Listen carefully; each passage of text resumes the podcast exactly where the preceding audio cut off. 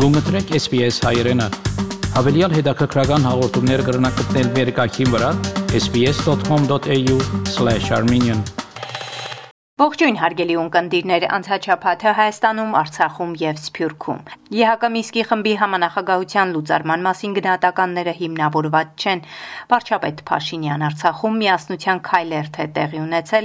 Թբիլիսիում ավանդական Սայաթնովյան վարթատոնը, այս եւ այլ նորությունների մասին մանրամասն։ Ադրբեջանը հրաժարվում է ազատ արձակել հայ ռազմագերիներին։ Հայաստանի արտգործնախարար Արարատ Միրզոյանն է ասել հնդկական լրատվամիջոցներից մեկին տված հարցազրույցում, նա նկատել է բացահայտ կերպով խախտելով Երակողմ հայտարարության դրույթները եւ միջազգային մարդասիրական իրավունքը եւ անտեսելով միջազգային հանրության հստակ կոչերը Ադրբեջանը հրաժարվում է ազատ արձակել հայ ռազմագերիներին եւ այլ պահվող անձանց։ Վրաստանը ողջունում է Եվրամիության մասնակցությամբ հայ-ադրբեջանական երկխոսությունը Թբիլիսիում մայիսի 30-ին ողջունելով հայ գործընկերոջը, ասել է Վրաստանի նախագահ Սալոմե Զուրաբիշվիլին, ընդգծելով քննարկել են հայ-ադրբեջանական երկխոսության ընթացքը։ Վրաստանը ողջունում է Եվրամիության աջակցությամբ հայ-ադրբեջանական երկխոսությունը, որը տարածաշրջանում խաղաղության ու կայունության հիմքն է։ Հայաստանի նախագահ Վահագն Խաչատուրյանը նշել է, որ Հայաստանը կարևորում է Վրաստանի հետ հարաբերությունների զարգացումը եւ ամրապնդումը եւ պատահական չէ, որ Հայաստանի կառավարության ծրագրում այդ հարաբերությունները որակվում են առանձնահատուկ բարի դրացիական։ Նա եւս ընդգծել է, որ հանդիպմանն անդրադարձել են անվտանգային, քաղաքական եւ տարածաշրջանային նշանակության հարցերին։ Ցանկանում եմ ընդգծել, որ նման հարցերում արկա փոխանցումը պայմանավորված է հայ-վրացական անխախտ բարեկամության գիտակցմամբ։ Վարչապետ Նիկոլ Փաշինյանը նախագահ Վահագն Խաչատուրյանի ազգային ժողովի նախագահ Ալեն Սիմոնյանի Հայաստանի բարձրագույն ղեկավարության եւ Հայաստանում հավատարմագրված դիվանագիտական ներկայացությունների ղեկավարների հետ մայիսի 28-ին Հանրապետության տոնի կապակցությամբ այցելել է Սարդարապատի հերոսամարտի հուշահամալիր։ Լսենք նախագահ Վահագն Խաչատուրյանին։ Մեր հաջողությունները պայմանավորված են եղել նրանով, որ մենք ապավինել ենք մեզ վստահել ենք մեր ուժերին եւ կարողացել ենք հաղթել։ Երբ որ մի քիչ հերվից նայում ենք, այն ինչ որ տեղի է ունեցել, ուղղակի անհավանական է տեղի։ Չես կարող հավատալ, որ կարելի էր 1918 թվականին այդ դաժան օրերին ցեղասպանությունից հետո պետության կերտելու մասին մտածել։ Բայց հայ ժողովուրդը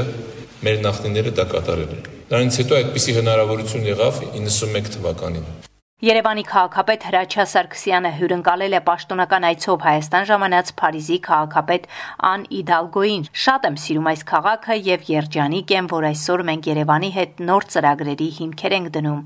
ասել է Փարիզի քաղաքապետը։ D'abord, il y a une très belle amitié entre Paris et Yerevan. Երևանի եւ Փարիզի հարաբերությունները չափազանց սերտ են եւ սա իմ երրորդ այցն է Երևան։ Մենք արդեն իսկ ունենք շատ կարեւոր ծրագրեր, որոնք դարձել են իրականություն։ Ես շատ եմ սիրում այս քաղաքը եւ երջանիկ եմ, որ այսօր մենք Երևանի հետ նոր ծրագրերի հիմքեր ենք դնում։ Հայ-ադրբեջանական փոխադարձ ըմբռնման փորձերը եւ սահմանին փոխվարչապետերի բանակցությունների ընթացքը խաթարվել են նոր սադրանքով։ Ադրբեջանական կրակոցից մահացել է Հայաստանի զինված ուժերի զինծառայող, ինչին արձագանքել է Հայաստանի արտգործնախարարությունը մեղադրելով Բաքվին։ Պաշտոնական Երևանը կրկին շեշտում է Հայաստան-Ադրբեջան սահմանագծից զորքերի հայելային հետ քաշումը եւ սահմանագոտում դիտորդական առաքելության տեղակայելն անհրաժեշտություն են։ Սա հիմնավորվում է հրադադար Ղարաբաղի ռեժիմի հերթական խախտմամբ ու փաստով ադրբեջանական սադրանք նորեր առաջ խլեց եւս մեկ հայ զինծառայողի կյանք։ Հայաստանի արտգործնախարարությունը հայտարարեց.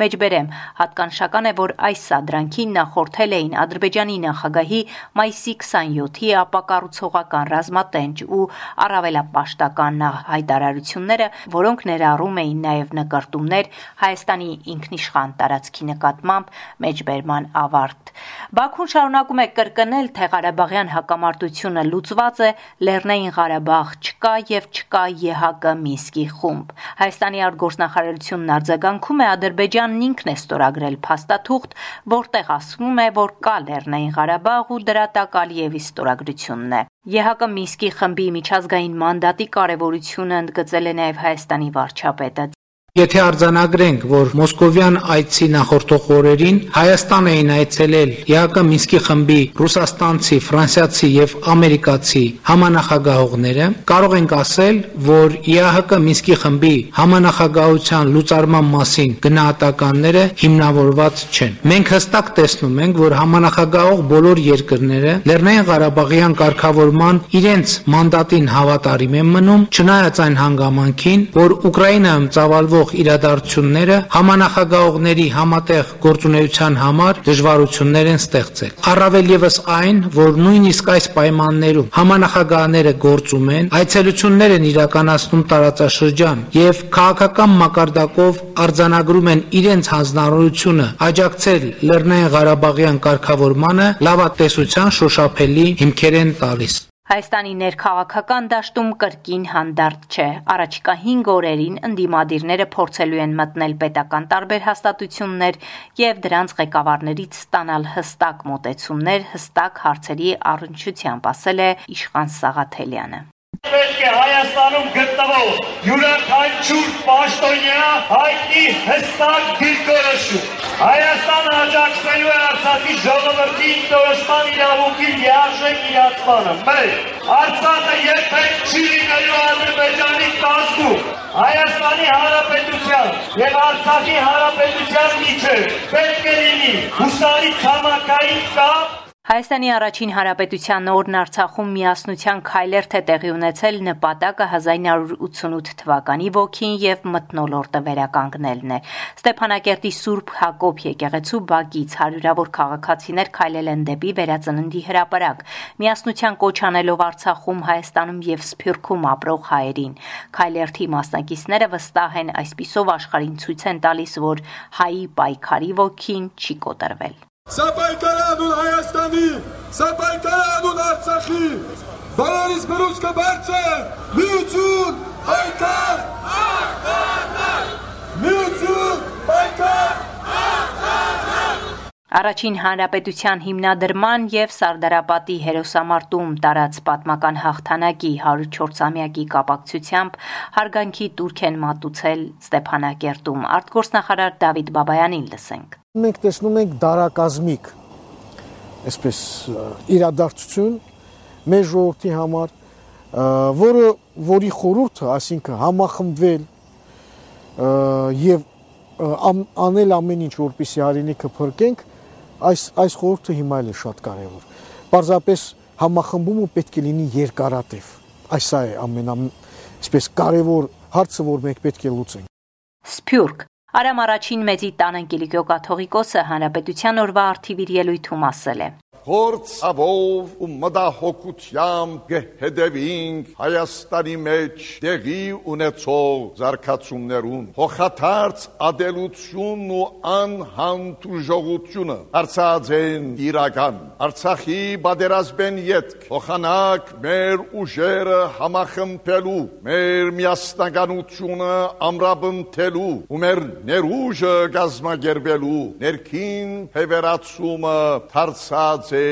ավելի խոր ասկագործան եւ հայրենական ծտակներով լեցում բլանք իրադես ներգա վտանգալից գացության շարունակումը պիտի հյուծե մեր ներուժը քայքայե դնդեսությունը եւ արդակախտի թռները Հայաստանեն ու Արցախեն լայնորեն պիտի փանա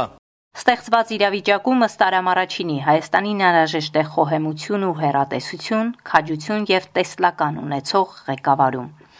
Թբիլիսիում նշել են Սայաթնովային նվիրված ավանդական վարդատոնը տոնին մասնակցել են հայ եւ վրացի գրողներ, արվեստի գործիչներ, պաշտոնյաներ, հյուրեր Հայաստանի եւ Վրաստանի տարբեր շրջաններից։ Երկար դաթարից հետո նորից Սայաթնովան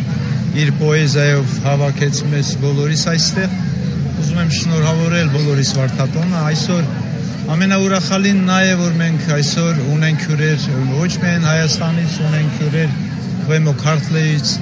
տարբեր դպրոցներից Սամստե Ջավախետից ունենք հյուրեր որ շատ ուրախալի է մնում է մնում է որ մենք սեպտեմբեր ամսին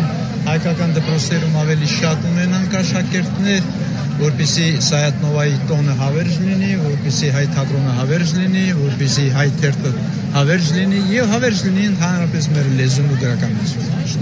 Թիֆլիսում ստեղծագործած մեծ աշուխ Սայատնովայի տոնը նշվում է 108-րդ անգամ։ Տոնի սկիզբը դրել է հայ մեծանուն գրող Հովանես Թումանյանը, գեղանկարիչ Գևորգ Բաշինջաղյանի եւ վրացի բանաստեղծ գրականագետ Յոսիֆ Գրիշաշվիլու հետ։ Այսքանը անցնող շաբաթը Հայաստանում, Արցախում եւ Սփյուռքում SBS-ի համար ամփոփեց Գիտալի Բեկյանը։ Հավնե, լայք, բաժնեկցե, դարձիկը թայտնե Հետևե SPS հայրենին թիմադեդի վրա